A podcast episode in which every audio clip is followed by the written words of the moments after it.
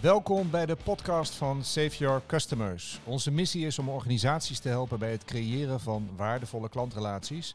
En in deze podcast gaan we hierover in gesprek met collega's uit de branche. Vandaag is onze gast Frank Lubbers, Customer Support Manager bij Cloud86 en tevens aan tafel mijn collega Omid Holteman. Van harte welkom allemaal. Ja, dankjewel. In onze alle, alle, alle, allereerste podcast. Uh, misschien uh, handig om even heel kort introduc introductierondje te doen. Ja, dat is goed. Nou, uh, Omid Holteman, rechts uh, van uh, Wietse, links van Frank. Um, Mede-eigenaar van Save Customers. Um, um, en ja, in deze podcast gaan we kennis en ervaringen delen. En het is de allereerste keer, dus ik vind het wel spannend. Ik vind het ook heel erg leuk. Dus dat ben ik. En rechts van mij zit nou, onze eerste gast, Frank. Yes, hallo. Hetzelfde hier, ook eerste keer in een podcast, dus ook spannend. Ja. En, uh, en uh, we gaan zo meteen uh, wat dieper in op jouw achtergrond. mijn naam is Wiets Westhuis. ja, ik werk sinds 2003 in klantcontact. En ik ben zeer benieuwd wat al deze gesprekken ons gaan brengen.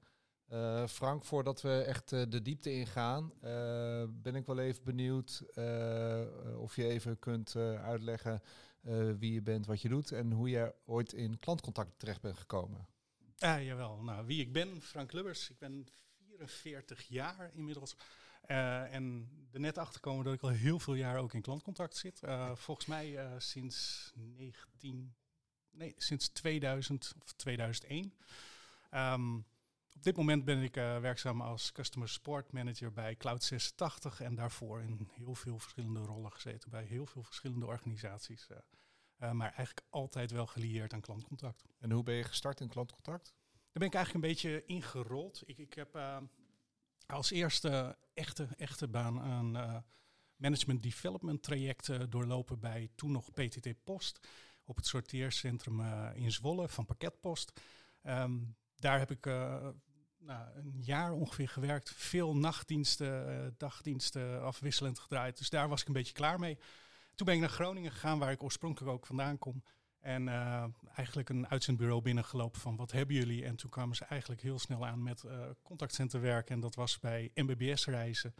Uh, ja, een reisorganisatie met een contactcenter in Groningen. Wat moest je doen? Reizen verkopen? Of, ja, ja en, en, en samenstellen. Het was, als, als ik achteraf kijk, was het op dat moment denk ik zeker een van de leukere contactcenterfuncties met veel vrijheid. Je gaat echt in gesprek. Eh, in mijn eerste functie al met de klanten. En, en je gaat ook echt ja, vissen naar wat, wat vinden zij leuk. Veel klanten kwamen binnen met van ik wil een reis daar naartoe. Maar als je in gesprek komt, merk je soms, uh, soms toch wel dat ze daar echt een ander beeld van hebben dan uh, ja, de werkelijkheid. Dus in dat gesprek proberen we dan op uit te komen waar, waar zouden ze echt blij van worden als reis. Ja, ja. Want is dat ook wat je ambieerde vroeger om uh, contactcenter manager te worden? Of? Uh, sterker nog, ik, heb, ik had vroeger geen idee van dat deze baan bestond. Uh, ik, mijn, mijn, mijn jeugdambitie was altijd om gymleraar te worden. Ja. Dus ik, heb ook, ik ben gestart op de ALO om gymleraar te worden. Tegenwoordig is wel sportmanagementopleiding, maar toen echt nog gefocust op leraarschap.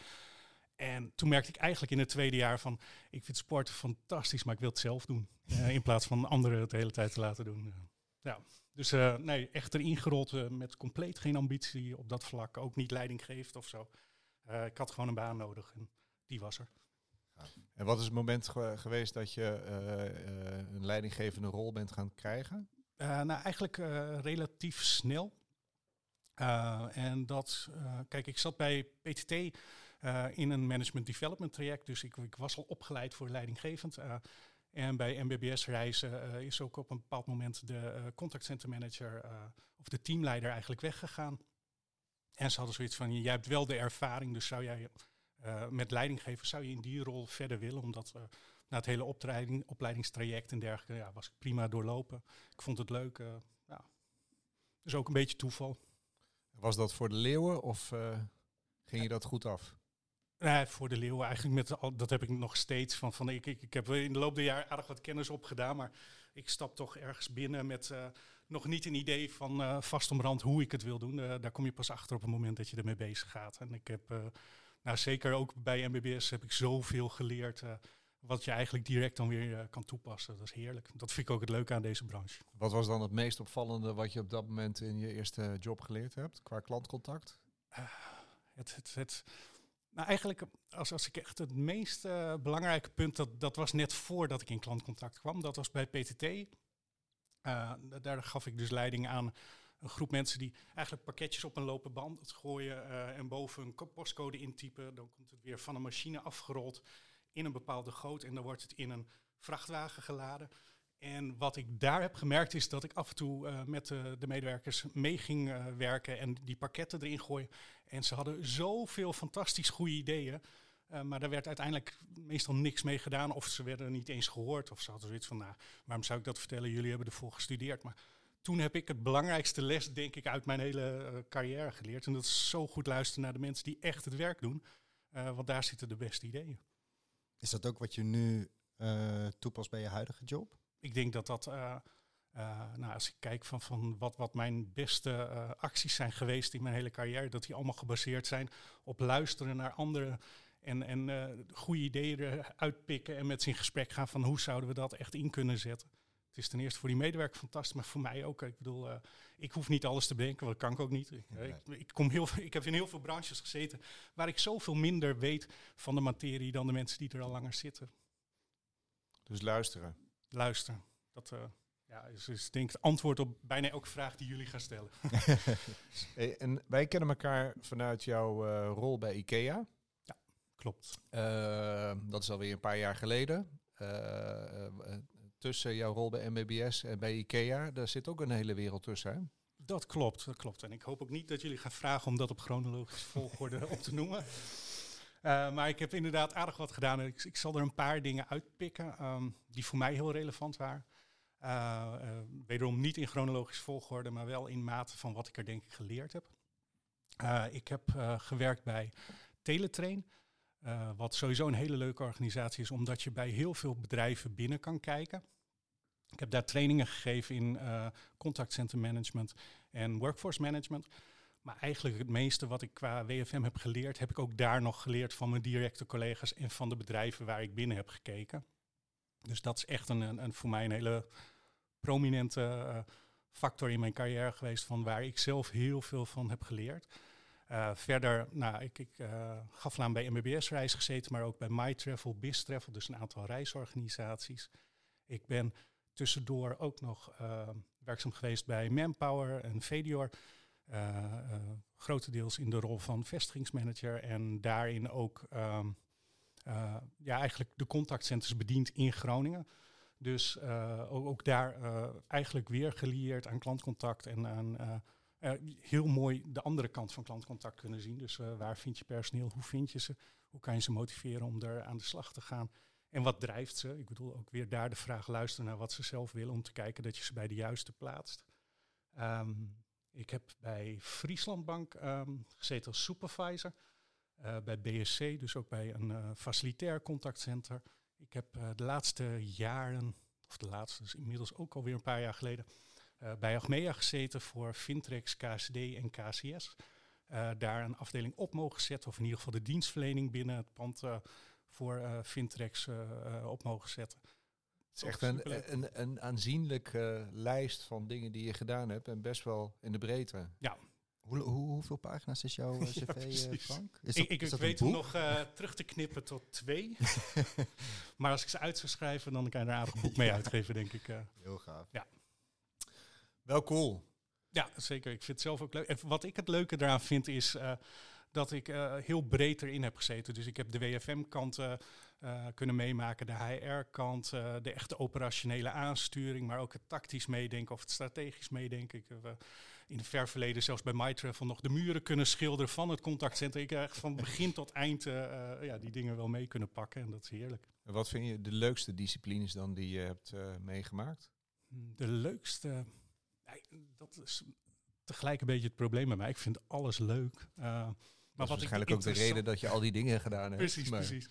Uh, nee, wat, wat het interessantste is geweest, is uh, ik vind de WFM-kant uh, heel interessant. Gewoon omdat het echt het fundament is van wat je neerzet binnen een organisatie. Als je die niet op orde hebt, kan je nog zulke goede mensen hebben zitten.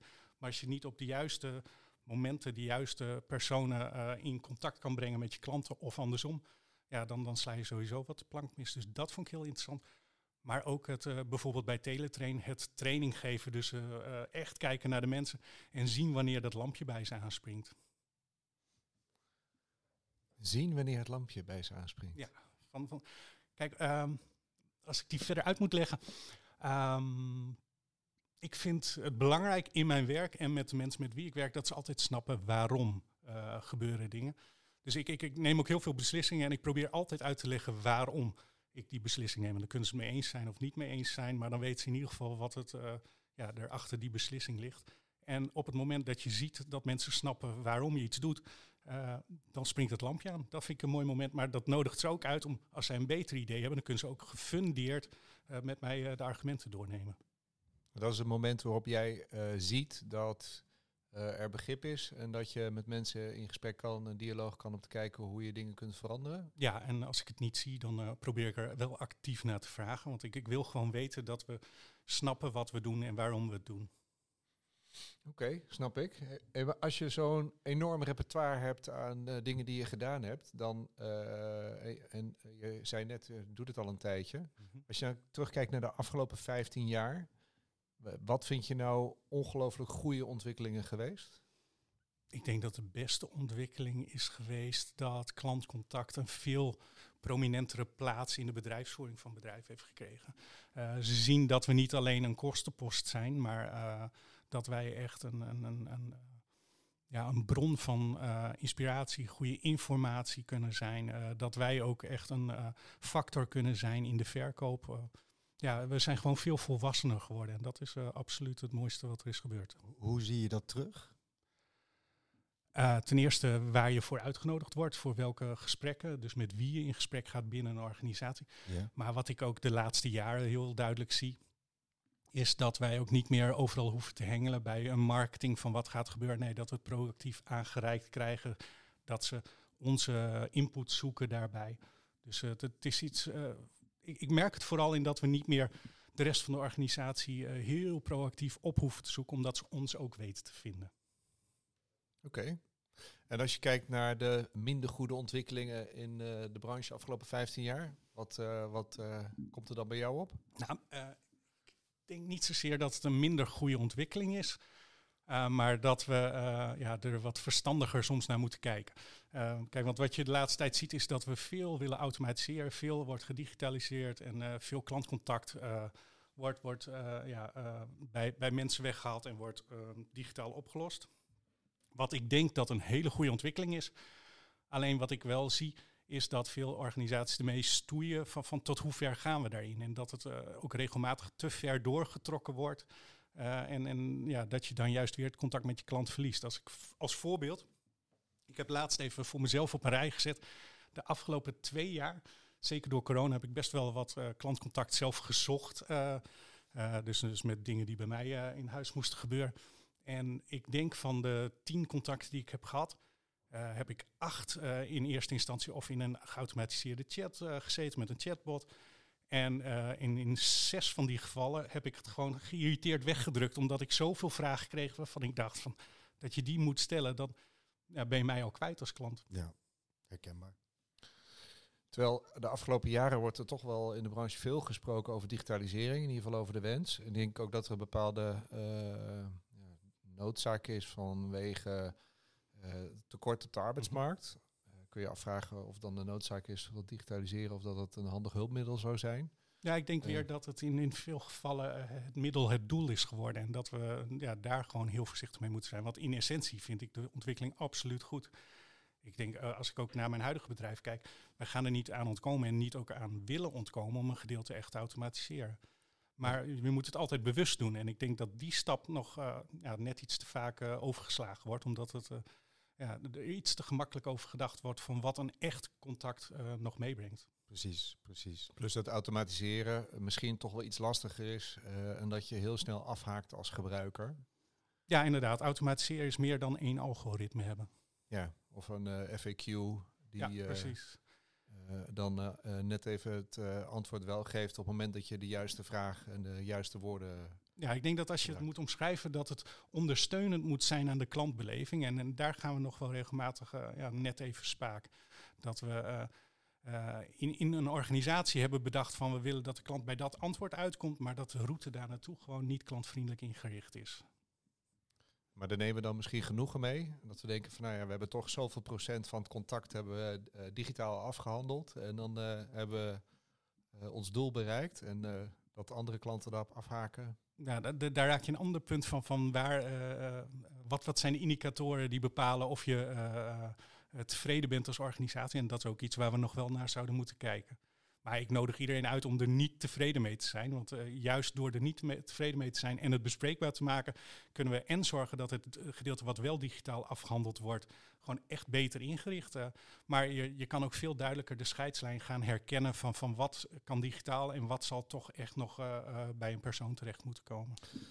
Dat is wel interessant, hè, want je hebt best wel in verschillende keukens kunnen kijken. Je hebt eh, aan de, de wervingskant gezeten, je hebt aan de facilitaire kant gezeten en de inhoudskant. Dus je, eh, volgens mij van de meest dynamische omgeving tot ook eh, de iets minder dynamische omgeving, waar veel structuur en hiërarchie zat. Ja, nou ben je begonnen bij Cloud 86.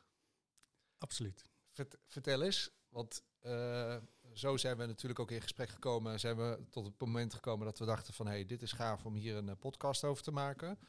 Eh, vertel eens even over het bedrijf en over je rol en eh, wat je opdracht daar eh, is. Ja, nou, de organisatie, het is een webhoster. Dus wij bieden webhosting aan klanten van allerlei allure. Ehm, we hebben voor, voor kleine websites bieden we het aan. Maar ook voor grote organisaties, VPS of Virtual Private Servers. en nou andere oplossingen. En wat mij daarin aansprak was, ehm, en daar was ik eigenlijk al na het eerste gesprek met eh, twee directieleden uit. Eh, de, de, de, de focus die ze willen hebben op eh, de kwaliteit van de klantbeleving. Eh, kijk, eh, ze hebben eigenlijk twee focuspunten. Eh, de eerste is eh, gewoon razendsnel internet aanbieden. Dus dat, daar wordt ook niet op bespaard. Dat, dat vind ik al gaaf. Daar spreekt uit van we willen de investering doen omdat wij willen dat het product echt goed is voor onze klanten. Eh, maar ze zeggen tegelijkertijd daar ook, eh, hebben ze de, de ogen open voor eh, dat niet iedere klant zo digitaal vaardig is als, als nou, de ander. Ehm, dus ehm, daar ben ik over in gesprek gekomen. En wat, wat ja, mij aanspreekt om daar te starten was, ik, ik kreeg een vrij leeg speelveld. Uh, ze hebben hem ook aangenomen om gewoon de kennis die ik meedraag. Dus uh, je weet ook van, van op het moment dat ik iets aandraag van nou dat willen we gaan doen. Uh, dan, dan wordt er niet gezegd van, van nou ja, we hebben dit als maximum budget. Nee, er wordt gewoon gekeken wat gaat het ons opleveren. En nou ja, als dat uh, tegen elkaar opweegt, dan gaan we het doen. Um, en ook van, van je, hebt vrij spel in hoe je het in wil richten. We doen wel dingen in overleg, maar we gaan er niet voor staan.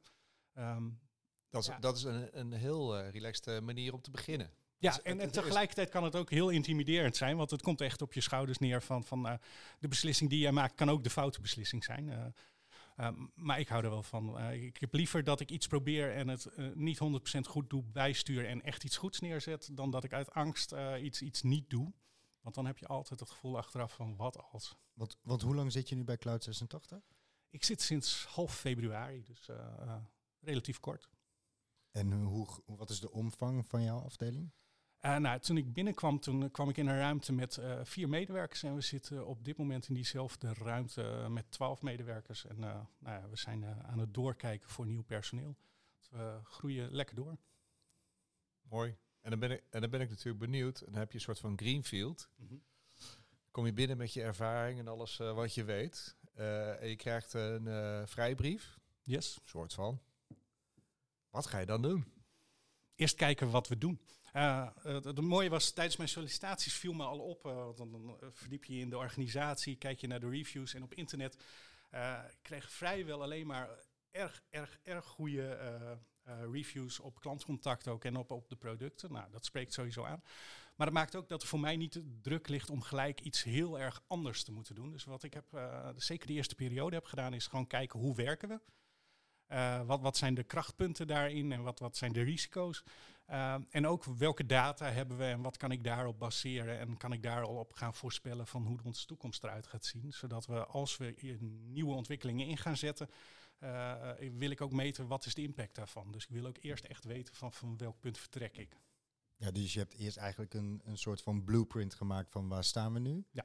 En daarna heb je gekeken van waar willen we eigenlijk naartoe gaan met de organisatie, maar ook met de afdeling. Inderdaad, en, tegelijkertijd, uh, wat, wat gewoon als rode draad ook door dat uh, uh, hele proces heen loopt, is, is goed in contact zijn met de mensen die er werken. Dus waar lopen zij tegenaan? Wat vinden zij dat hartstikke lekker loopt? Want dat ja, sluit eigenlijk aan bij wat ik eerder zei. Van als je daarmee in gesprek, daar zitten de goede ideeën. Ik, ik kan wel uit mijn ervaring van alles gaan opdiepen. Maar deze organisatie is toch hoe dan ook weer anders dan welke ik ook heb gezeten hiervoor. Dus uh, de dingen één op één toepassen die je eerder had gedaan, dat uh, was niet uh, de bedoeling. nee, of nou, ik, ik weet niet 100% wat de bedoeling was, maar het was niet mijn bedoeling en dat hebben we ook niet gedaan. Maar wat, wat we wel doen is die ervaring neem je mee in elke beslissing die je neemt en in elk gesprek die je voert. Dus in die zin, dat is, ik, ik, durf ook echt weer. Ik heb de ene plek leuker gevonden dan de andere waar ik heb gezeten. Maar bij elke plek heb ik iets meegenomen. En ik durf ook wel te garanderen dat in dat kleine stukje dat ik nu bij Cloud 86 uh, zit, dat ik van elke opdrachtgever waar ik heb gezeten wel iets heb weer ingestoken in deze organisatie. Snap ik. Want um, uh, je geeft aan dat je nu 12 uh, of een team hebt van 12 mensen. Hm. Doe jij WFM en andere zaken, doe je dat nog allemaal zelf? Of ben je al aan het kijken om dat eventueel uh, ergens anders te beleggen? Ja, vanaf het begin ben je al aan het kijken van hoe wil ik het straks inrichten. Maar uh, ja, in, in essentie doe ik het grootste gedeelte nu zelf. We hebben sinds, eigenlijk sinds vorige week heb ik iemand aangesteld voor echt uh, de focus op de kwaliteit van onze dienstverlening van, van klantenservice op te pakken. Dus daar zit ik goed mee in overleg. Maar ook WFM op het moment dat wij groter gaan worden, dan zal dat op een bepaald moment echt wel bij mij weg uh, moeten. Ik, ik, denk dat het voor de organisatie goed is, maar ook voor mij. Ja, dat snap ik. Ja. Kun, je, kun je uitleggen hoe je dan klant, klantcontact ingericht hebt voor Cloud 86? Wat, uh, wat je visie daar dan op is en hoe, hoe dat dan uh, wat jou betreft maximaal kan renderen. En ja. dat het maximaal goed is ingericht zoals jij het zou willen? Nou, wat, wat voor mij essentieel eerst was, is wat waardeer klant aan ons? Want dat we gewaardeerd werden, wisten we. Ik bedoel, dat zien we in de reviews. Uh, maar maar wat, is, wat maakt nou uh, uh, dat die klanten ons zo waarderen? Want feitelijk gezien, de medewerkers die we hebben zitten, hebben nog geen, geen diepgaande gespreksvaardigheidstrainingen gehad, dat soort zaken. Uh, en, ze zijn ook heel divers, allemaal hun eigen specialiteiten, allemaal hun eigen kwaliteiten. Maar wat maakt nou uh, dat ze uh, zo gewaardeerd worden? Dus dat, dat, daar hebben we eerst op gefocust. Wat, wat daarbij opviel, is dat iedereen erg gemotiveerd is van, van de medewerkers. Dus dat neem je mee in je gesprekken, waar de een fantastisch het weet te formuleren, weet de ander dat minder. Maar die zorgt wel dat de essentie overgebracht wordt. Um, en, en wat, wat voor mij een hele belangrijke factor was, die echt wel fundamenteel verschilt met een aantal uh, organisaties waar ik hiervoor heb gezeten, is uh, dat onze bulk op dit moment is uh, uitgesteld werk. Oftewel is een ticketing systeem, dus e-mailbeantwoording. En daarnaast hebben we ook telefonie en we zijn goed bereikbaar, maar dat is ook omdat wij relatief klein zijn in, in call op dit moment, maakt dat ik daar een beetje mee kan spelen. En wat dat betekent voor de kwaliteit is de medewerkers die er voeren heel duidelijk dat ze de tijd konden nemen voor elke klant. Okay. Dus dat is ook een essentie die ik mee wil nemen in hoe ik de afdeling verder opzet. Dat we altijd een fundament gaan leggen van, van een gedeelte die, die gaat straks calls oppakken en misschien chat uh, later. Maar uh, er moet ook een gedeelte zijn die echt gefocust kan zijn op die tickets zonder dat ze tussendoor gestoord worden door de directe kanalen. En we hebben ook een heel groot bulk van ons werk is uh, het verhuizen van websites. Yeah. Uh, en dat is echt een klus. Uh, je hebt mensen met twee websites en dan ben je in, bij wijze van vijf minuten klaar. Maar we hebben ook klanten met een VPS die overgaan. Waar we vier dagen bezig zijn om alle websites, alle domeinen, alle zaken over te zetten. En dan wil je dat iemand met focus laten doen, want anders ben ik er een week aan kwijt. Plus ik heb een medewerker die echt helemaal horendol wordt van.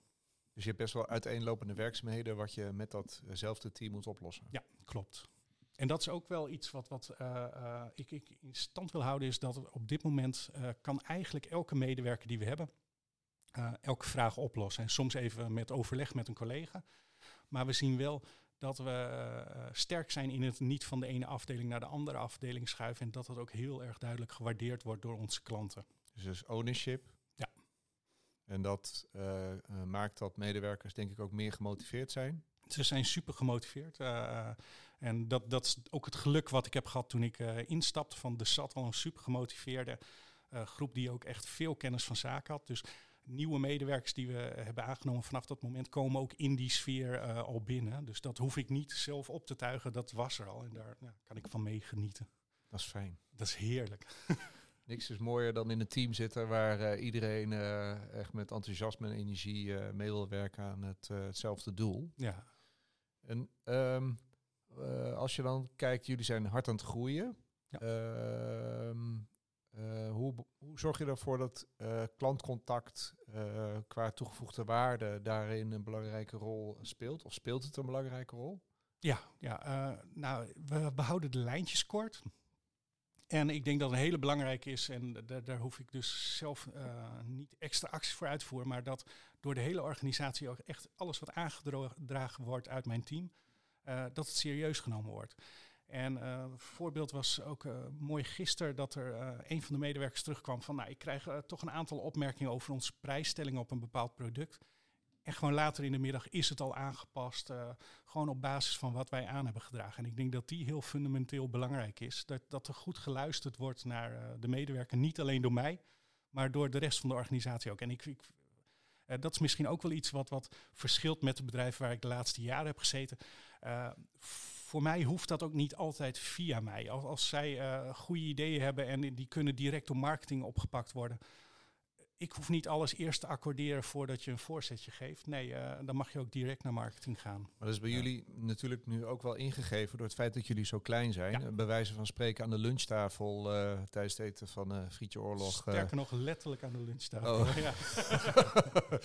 dat je dan denkt van, goh, ik wil nog wat dingen regelen, dan kan dat ook. ja, maar wat wel belangrijk is, denk ik, wat we nu moeten doen en waar we straks profijt van hebben, is dat we die sfeer echt actief bewaken. Dat, eh, dat iedereen, eh, ook als we straks eh, niet meer allemaal gezamenlijk lunchen, eh, dat ze toch de vrijheid voelen overal naartoe te kunnen stappen.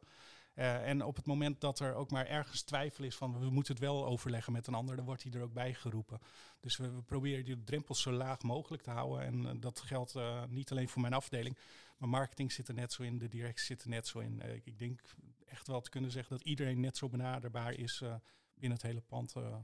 Maar dat is wel fijn, want eh, kijk, nu wordt het ingegeven door de situatie, door, door, door de organisatiestructuur zoals die is. Heel laagdrempelig, klein, gewoon, eh, wat je zegt, korte lijntjes.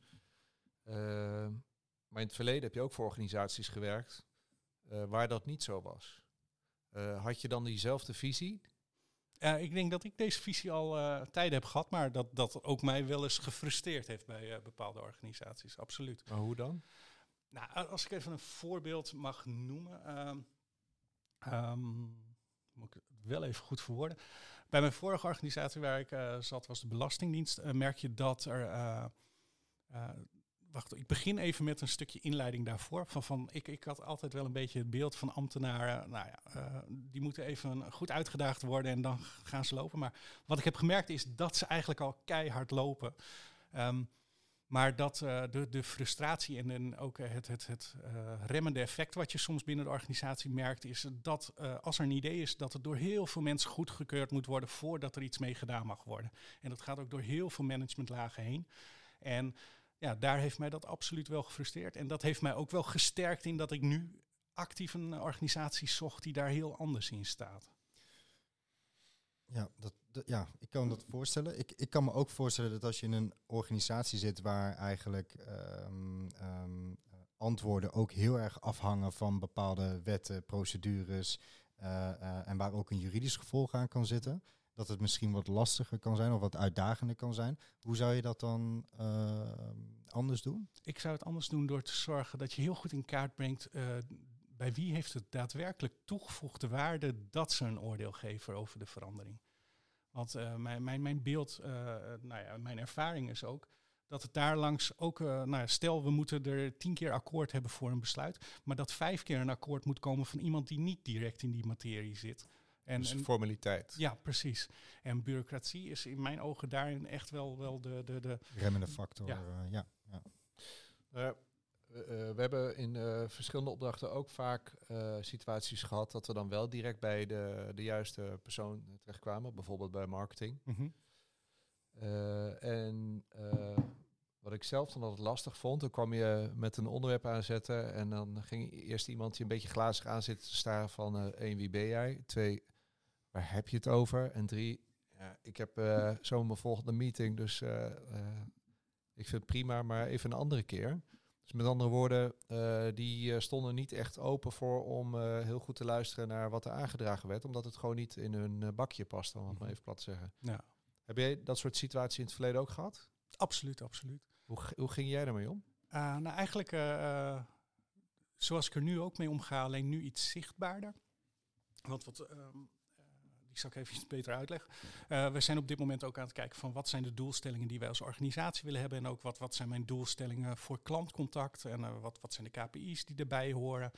En uh, wat ik nu ook heb gedaan is dat welke factor ik ook opzet, welke KPI of, of welk, welke target, welk doel, hoe je het ook maar wil noemen. Dat er altijd het gewenste persoonlijke effect bij zit. Oftewel, van, van wat is eigenlijk de klantreactie die wij terug willen zien door hierop te sturen. En dat is ook wat, ik in het verleden vaak wel aan heb gedragen. Van oké, uh, om het helemaal terug te pakken van, van je wil niet, uh, of er wordt niet geluisterd. Oké, wat, wat gaat het effect zijn voor de klant op het moment dat ze nu te woord worden gestaan op de oude manier, uh, zo gezegd. En wat, als, wat, wat gaat die klant ervaren op het moment dat we het aanpassen? En wat, hoe beïnvloedt dat ook het gedrag of, of het sentiment van die klant? Er staan uh, anderen uh, die buiten uh, klantcontact scope zitten. Staan die daarvoor open? Nou, wel nou, als marketing als voorbeeld. Als zij merken van, van dat de klantervaring negatief beïnvloed wordt. En, en daardoor een, een, een beslissingnemer in een gezin bijvoorbeeld sneller geneigd is om niet het product af te willen nemen. Ja, dan wel. Dus je moet. Dus je zoekt de kracht zit in de verbindingen. Ja, precies. Dus je ja. zoekt wel naar de gemeenschappelijkheid van doelstellingen daarin. Ja. En op het moment dat je die niet kan vinden, nou, dan heb je sowieso denk ik al een heel ander gesprek. Uh, en, en, die je niet alleen met z'n tweeën moet voeren, maar uh, met meer mensen binnen de organisatie. Klinkt als aannemelijk. Ja, ja. Dat is een mooie brug, denk ik ook. Want we hebben een uh, aantal stellingen, Frank. Oké. Okay. Um, en ik denk dat de eerste stelling hier wel op, op aansluit, waar we, waar we het zojuist over hadden. Um, klantcontactafdelingen zoeken de samenwerking op met andere afdelingen. Ben je het daarmee eens of oneens? Nou, ik, eh, in deze branche kan je het daar niet eens mee oneens zijn, volgens mij. Je moet het altijd zoeken. Ik bedoel, eh, je hebt altijd de hoop dat alles aangeleverd wordt. En in sommige organisaties is dat ook heel goed gebracht. Maar daarin, wij, wij krijgen ook weer informatie binnen die eh, relevant is voor andere afdelingen. Dus je moet altijd de andere afdelingen ook opzoeken. En, en daarnaast actief werken dat ze jou ook weten te vinden. En is dat altijd gebeurd in de afgelopen 15 jaar? Nee, nee, nee. En, maar daar, daarin moet ik zeggen dat ik echt wel een kentering heb gezien dat de afgelopen jaar dat veel beter gaat. Uh, ook bij, uh, een mooi voorbeeld is bij FBTO, van, van daar wordt echt uh, wel goed geluisterd. Uh, en als ik dat vergelijk met een verzekeraar die ik even niet zal noemen, maar die ik, waar ik eerder heb gezeten, ja, dan, dan zie je heel, heel prominent dat verschil in, in gewoon denkwijze van, van hoe er nu op gestuurd wordt. En zie je dat dan ook terug in het resultaat? Ja, ja, je ziet het in het resultaat. En je, uh, wat ik nog veel mooier vind, je hoort het in de gesprekken die gevoerd worden met klanten. Ja. Ja. Hoe? Uh, de, de toon waarop die gevoerd wordt. En uh, nou, als je er een cijfer aan wil hangen, het, het, het beperken van klachten. Je ziet veel meer gesprekken nu gebeuren waar mensen met een klacht binnenkomen, maar die toch heel tevreden weer ophangen. Uh, waar in het verleden een klacht uh, ja, eigenlijk in een bak gegooid werd van nou gaat klachtenmanagement er naar kijken en dan uh, gaan we kijken hoe we het slechte bericht nogmaals brengen. Maar hoe maakt dat dan nu het verschil uit? Want um, die, die afdeling klachtenmanagement, dat zijn over het algemeen toch mensen die net even wat meer kunnen. Mm -hmm. Maar hoe merk je, voel je dan het verschil als die samenwerking wel goed is. Dus waar, zit hem dat dan in? Dat is een hele mooie. Uh, dat, dat zit hem in dat de uh, medewerker die op dat moment de klant spreekt zich ook uh, gesterkt voelt in dat hij het juiste vertelt en ook het juiste erin doet voor de klant. Want ik denk dat dat ook wel een verschuiving is in die afgelopen 15 jaar. Dat een medewerker veel minder gescript wordt, maar echt met die klant in gesprek mag gaan. En dat doet heel veel. Uh, maar ook inderdaad op het moment dat een, een uh, klacht afgehandeld wordt, uh, niet door zichzelf, maar ze weten dat het goed opgepakt wordt. En er wordt echt gekeken naar van, heeft die klant hier een heel goed punt? Dan gaan we het aanpassen. Dat is een heel ander gesprek dan het wordt opgepakt door klachtenmanagement en ik heb het van mijn bordje af. Maar verder sta ik er niet achter. Het woord klachtenmanagement, daar krijg ik ook een klein beetje de kriebels van eigenlijk. Mm -hmm. Ja, dat, eh, dat is misschien uh, toch wat traditioneel, maar ik denk dat het uh, bij veel organisaties nog telt. En ik denk, ja, weet je, op het moment dat iets een klacht dreigt te worden of een klacht is, dan moet een medewerker toch op de een of andere manier in staat zijn om het zelf af te handelen. Ja, en ik, ik denk dat het wel een mooie ontwikkeling is. en dat, dat probeer ik nu ook echt heel, heel duidelijk bij Cloud 680 naar binnen te brengen. Van, van, er is niet één manier om een, een, klantgesprek aan te gaan. Je, je, hoeft niet altijd het antwoord te geven. Je mag ook proactief iets oplossen. Je mag ook instructie geven zodat dat de klant uh, wat opgevoed wordt en het de volgende keer zelf uh, kan. Maar je hebt ook de vrijheid als medewerker om zelf uh, naar gelang hoe het gesprek gaat, de keus daarin te maken. Want wat we hebben echt letterlijk dat we soms twee keer hetzelfde probleem door de lijn aangereikt krijgen. Met twee heel verschillende oplossingen. De een krijgt de klant de instructie, de andere lossen wij volledig voor de klant op. Maar waarbij we toch weten, die klant is nu hartstikke tevreden.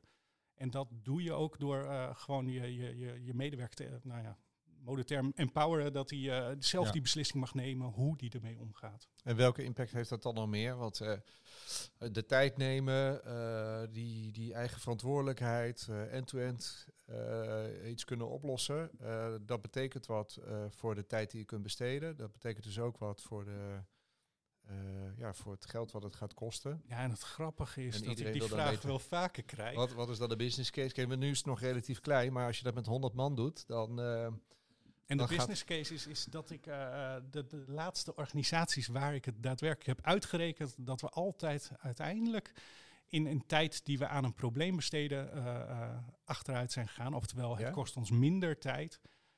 omdat het is heel moeilijk als, als een medewerker Ehm, een klant iets uit wil leggen, uh, maar je geeft een kaders mee. Het moet uh, binnen dit vierkantje, maar hij moet een bal uitleggen. Dat, dat lukt niet. Uh, dus de medewerker moet daadwerkelijk ook voelen van, als ik het balletje ook als een bal uit kan leggen, dan, dan heb ik veel minder loze ruimte. En die loze ruimte, ja, dat, dat is gewoon, daar zitten je overtollige kosten.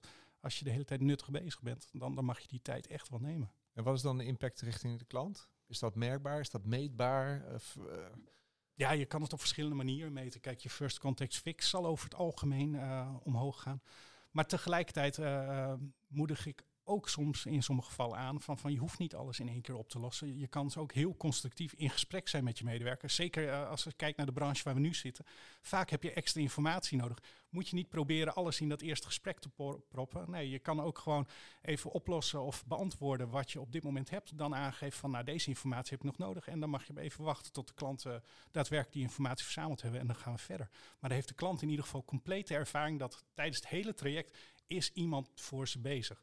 Want wat ik wel heel belangrijk vind, is dat een klant altijd inhoudelijk uh, direct ook, ook uh, een reactie krijgt. En dat kan ook zijn, wij weten het even niet, we hebben er meer informatie uh, voor nodig, maar we, we gaan niet berichten uitsturen van we hebben nu je klacht ontvangen of je probleem ontvangen, we komen er later op terug. Nee, dan willen we ook echt even horen van wat is het probleem, om te kijken van welke informatie hebben we nodig. Want anders creëer je nog weer een extra klantcontact. Dus ook hier geldt, het middel moet niet een doel worden. First and fix is uh, uh, heel belangrijk, maar het moet uiteindelijk leiden tot uh, mate van klanttevredenheid. Precies, uiteindelijk wil ik er naartoe dat als, ja, het is even zonder beeld, maar dat je een werkbank voor je hebt liggen. Elke medewerker heeft een werkbank met allemaal instrumenten en die kan zelf kiezen welke pakt hij nu om, om het aan te pakken.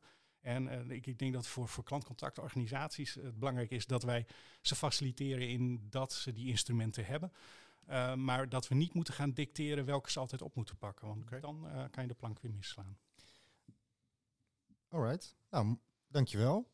de volgende stelling luidt: Goed klantcontact verhoogt de loyaliteit van klanten naar organisaties. Ja, wederom ik, ben ik het volledig mee eens. Uh, zeker tegenwoordig uh, zie je dat, welk product je ook hebt, dat uh, klanten veel makkelijker overstappen.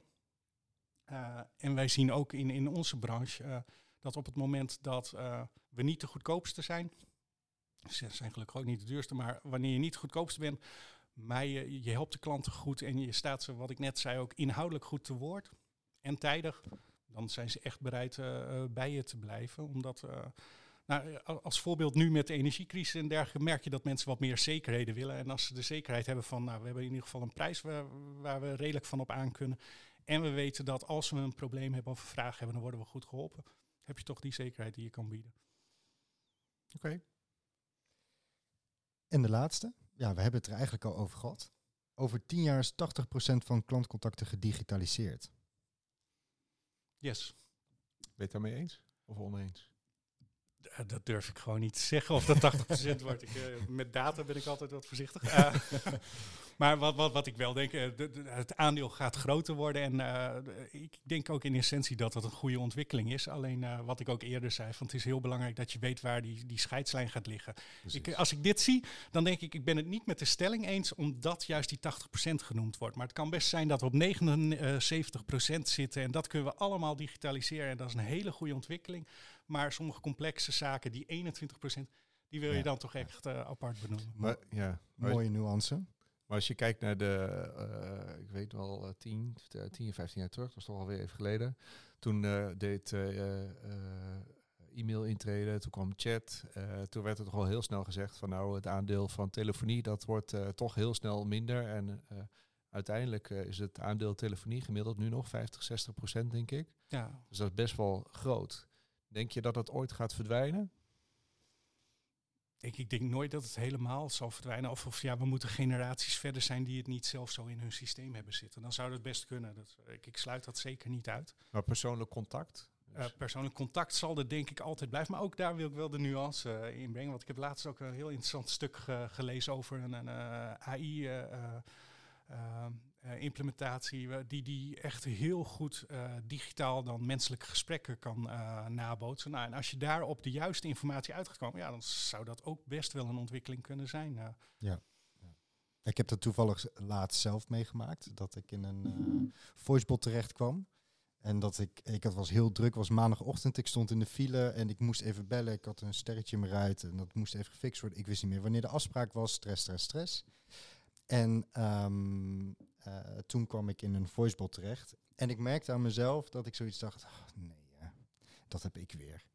En uh, zij heeft mij uiteindelijk heel erg goed geholpen. En ik merkte dat ik daarna zo verschrikkelijk blij was, dat ik ook niet in de wacht hoefde te staan. Um, want dat zei de voicebot ook. Ja. Dat ik dus de wachtrij heb overgeslagen. Dus ik denk dat er inderdaad heel veel mooie ontwikkelingen aan uh, gaan komen. Dus kan wel degelijk. Met ja, jij, het kan met wel jij degelijk. gewoon maar geholpen. Ja, ja, ja, en ik ben met, met, met bedrijven in gesprek geweest. Um, um, en zij uh, zien het echt inderdaad als een middel en niet als een doel. En zo implementeren zij het ook. Ja. Um, en zij weten ook wat de gebreken zijn hè, van een, uh, van een AI-pot. Um, dus bijvoorbeeld uh, snel reageren kan soms lastig zijn. Dus als je een paar vragen inbouwt, dan uh, heeft de AI-bot meer tijd om na te denken ja. voor het juiste antwoord. Ja, dat vind ik, ja, ik vind dat geniaal. En het mooie is ook bij zulke dingen van, van we denken heel erg vaak uh, vanuit het, uh, hoe het op dit moment werkt. Hoe AI op dit moment is, hoe ver het nu is en wij het zelf merken. Maar we vergeten ook wel eens dat over tien jaar is dat ook doorontwikkeld. Dus het kan Precies. best zijn dat je echt het verschil niet meer gaat merken. Nou, dan ben ik ook niet uh, tegen principieel of iets dergelijks. Ja, Omid noemde uh, de bot net al ze. Ja, ik hoor dat ook. Dus uh, nou, ja. was het een meisje? Uh, ja, het was, het was een vrouw inderdaad, ja. Oh. Ja, dat klopt, dat klopt. Maar goed. Maar Frank, um, hoe zie jij dan de komende 15 jaar een klantcontact? Nou, ik, ik, ik, ik denk dat die heel interessant gaat worden. Juist uh, door dit soort ontwikkelingen ook. En ik, ik blijf het ook absoluut wel volgen. Want uh, uh, je werkt er ook in het. ik ik ja. werk erin, maar ik vind het ook echt prachtig ja. om daarin te werken. En ik, ik, denk dat dat ook de basis moet zijn om, om hierin te kunnen blijven werken. Um, ik denk dat er nog veel gaat veranderen, maar ik ben vooral ook benieuwd inderdaad in welk tempo. Want uiteindelijk denk ik dat die digitalisering uh, doorzet en dat we daar ook echt wel een, goed, uh, uh, een goede toekomst mee tegemoet gaan. Maar ik ben benieuwd in, in welke snel, met welke snelheid dat gaat. En ook, ik ben heel benieuwd naar waar we het net ook over hadden, die 80-20, waar die scheidslijn gaat liggen. Want ik, ik, ik vermoed dat die er altijd nog wel zal zijn, dat er altijd nog een een, een, een pluk zal zijn uh, die, die echt, echt menselijk contact wil, in welke vorm dan ook. Uh, uh, dus ja, ik, ik, kijk hem vooral met interesse tegemoet. Ik, ik ga er ook niet te veel op voortborduren. Ik, ik had tien jaar of nou twintig jaar geleden ook niet verwacht dat wij in onze mobiele telefoons nu meer computerkracht hebben zitten dan, dan de eerste raket die naar de maan is gevlogen. Ik bedoel, ik, ik kan niet inschatten wat er allemaal gaat komen, maar ik denk dat er nog heel veel leuke dingen gaan komen. Ik hoop het wel. Ja, ik hoop het ook. Ik denk het wel. Over uh, leuke dingen gesproken. Eh, of misschien zijn dit, eh, ik weet niet of het leuke dingen zijn, maar we, we wilden met jou eh, de twee eh, actualiteiten eens bespreken. Om te kijken hoe je daar tegenaan kijkt. Dus eh, even in het hier en het nu. Ja. Krap de arbeidsmarkt. Eh, die is er en die gaat eh, eerst nog wel even blijven. Dat is voor mij ook wel een uitdagende, zeker met, met de visie die ik heb, dat ik eh, onze medewerkers de telefoon op wil laten nemen en eigenlijk alles wil kunnen laten beantwoorden.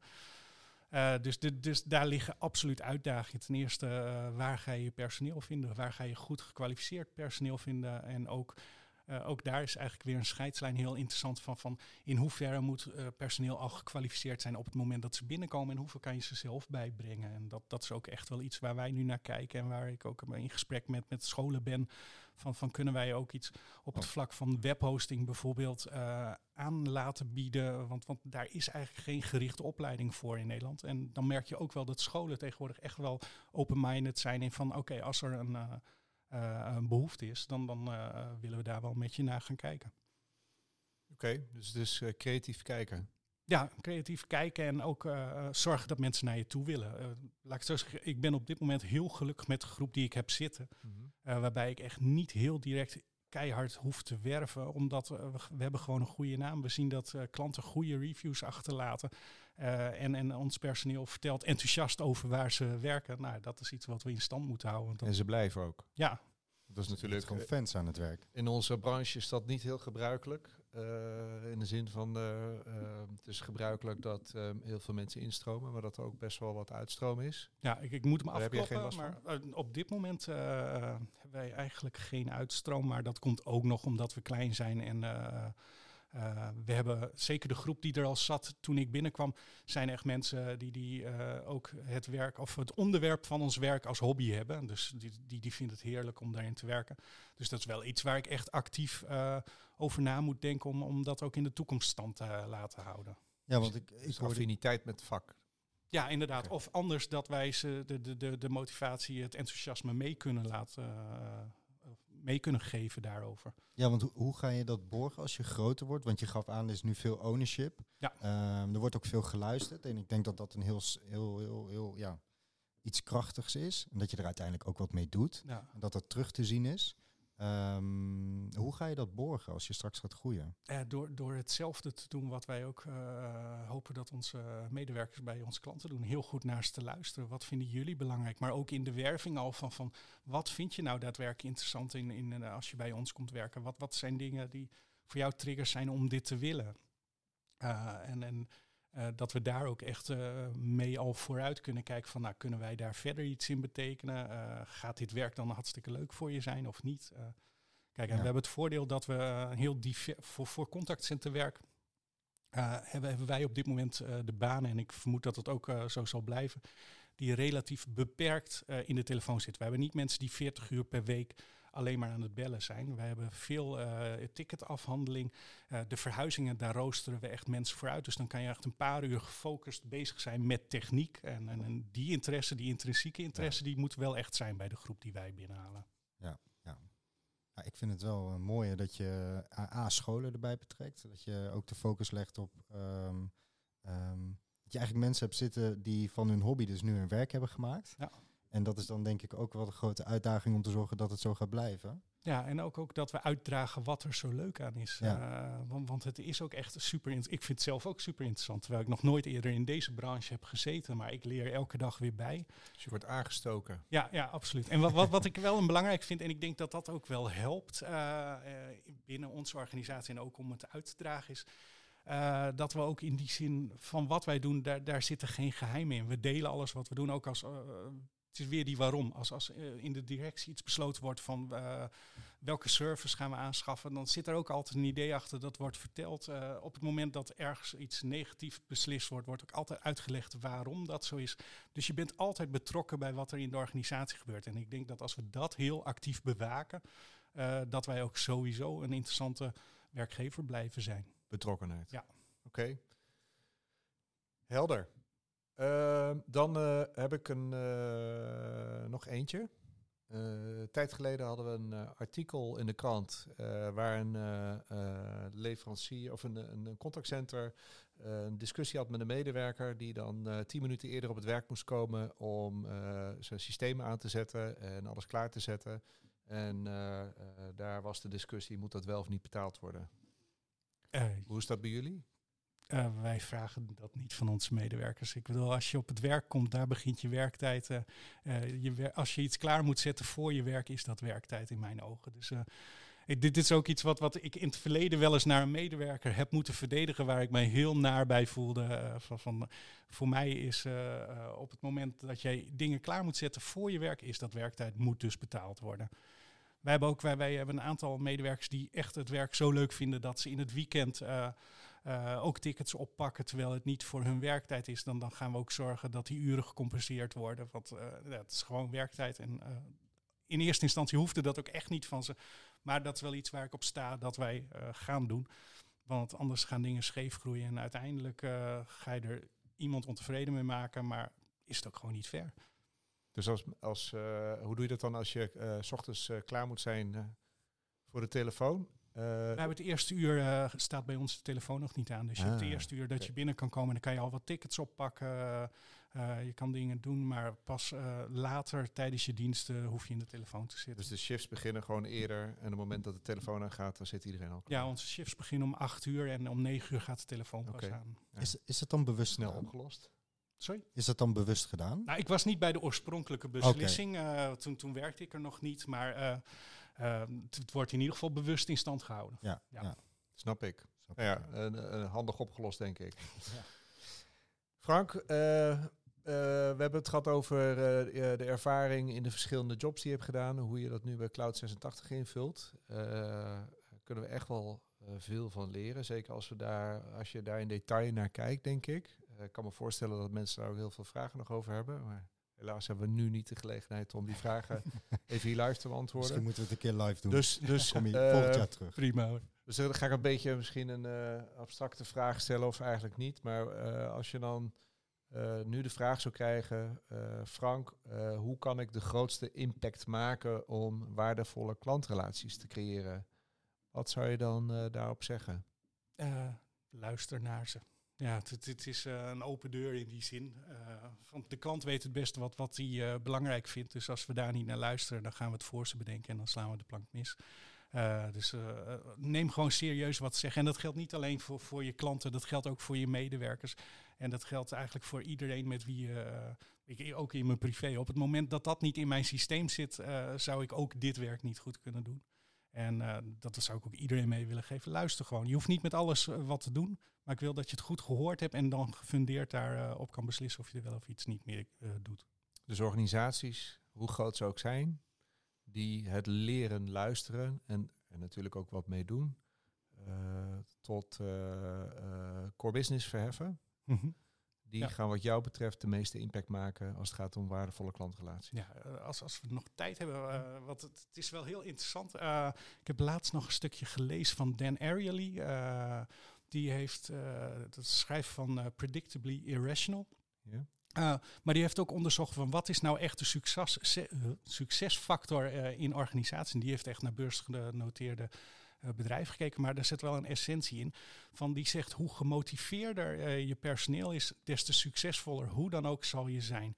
En de, de factor, de, een van de grootste factoren daarin is dat er naar geluisterd wordt en dat ze dus uh, serieus genomen worden. En tegelijkertijd is het ook uh, heel belangrijk, en dat sluit nog aan bij de laatste vraag van wat, hoe kan je de grootste impact uh, creëren, is dat het geluk of de motivatie van je medewerkers, die moet niet ver uiteen liggen met de motivatie en het geluk van, van, van de directie. Oftewel, uh, als iedereen op dezelfde manier kijkt naar hoe, hoe ze het klantcontact willen ervaren, dan ga je echt het meest succesvol zijn. Ik vind het een mooie, mooi advies. En een mooie afsluiter. Een hele mooie afsluiter. Ja, okay, we, we, dankjewel Frank. Uh, we zijn, dan, we zijn het aan het einde gekomen uh, van deze post, uh, podcast. Dit was de allereerste. Wat, wat vond je ervan? Ik vind, ik vind over mijn werk praten altijd leuk. ja. Nee, ik vond het leuk om te doen. En echt inderdaad, na twee seconden dan merk je niet meer dat er een microfoon voor je staat. Dus ben je gewoon lekker in gesprek. Ja, ja. Omid? Ja, ik vond, het, eh, ik vond het eigenlijk ook heel erg leuk. En eh, ja, Frank, ik heb je nu een aantal keer gesproken en een aantal keer gezien. Maar ehm, ja, ik vond het een heel indrukwekkend verhaal. Ik vond het, eh, ik, ik heb er ook weer wat van opgestoken. Mooi. Gaaf. Ik ook. En, en sorry, sorry, ik, zou, ik zou je toch nog wel een keer weer willen uitnodigen. Bijvoorbeeld volgend jaar of ehm, eh, misschien wat eerder als er nieuwe ontwikkelingen zijn. Ehm, ja, dus je bent van harte welkom. Nou, wat ik zei, ik praat graag over mijn werk. Dus eh, gaat ik, ik sta er zeker voor open. Ja, ik, eh, eh, ik sluit me hier geheel bij aan. Ik ben eh, heel blij dat we dit gesprek hebben gehad. En ik hoop dat er nog vele gesprekken gaan komen. Dat we op die manier onze ervaring kunnen delen. Gewoon praktisch en op basis van een verhaal. Dus dank je wel, Frank. Eh dank je wel, collega Omid. Ja, ook bedankt, Wietse. Dank voor dit gesprek en eh, aan de luisteraars dank dat jullie eh, meegeluisterd hebben. Wij hopen dat jullie ook de volgende podcast natuurlijk weer meeluisteren. Dank nogmaals en tot een volgende keer.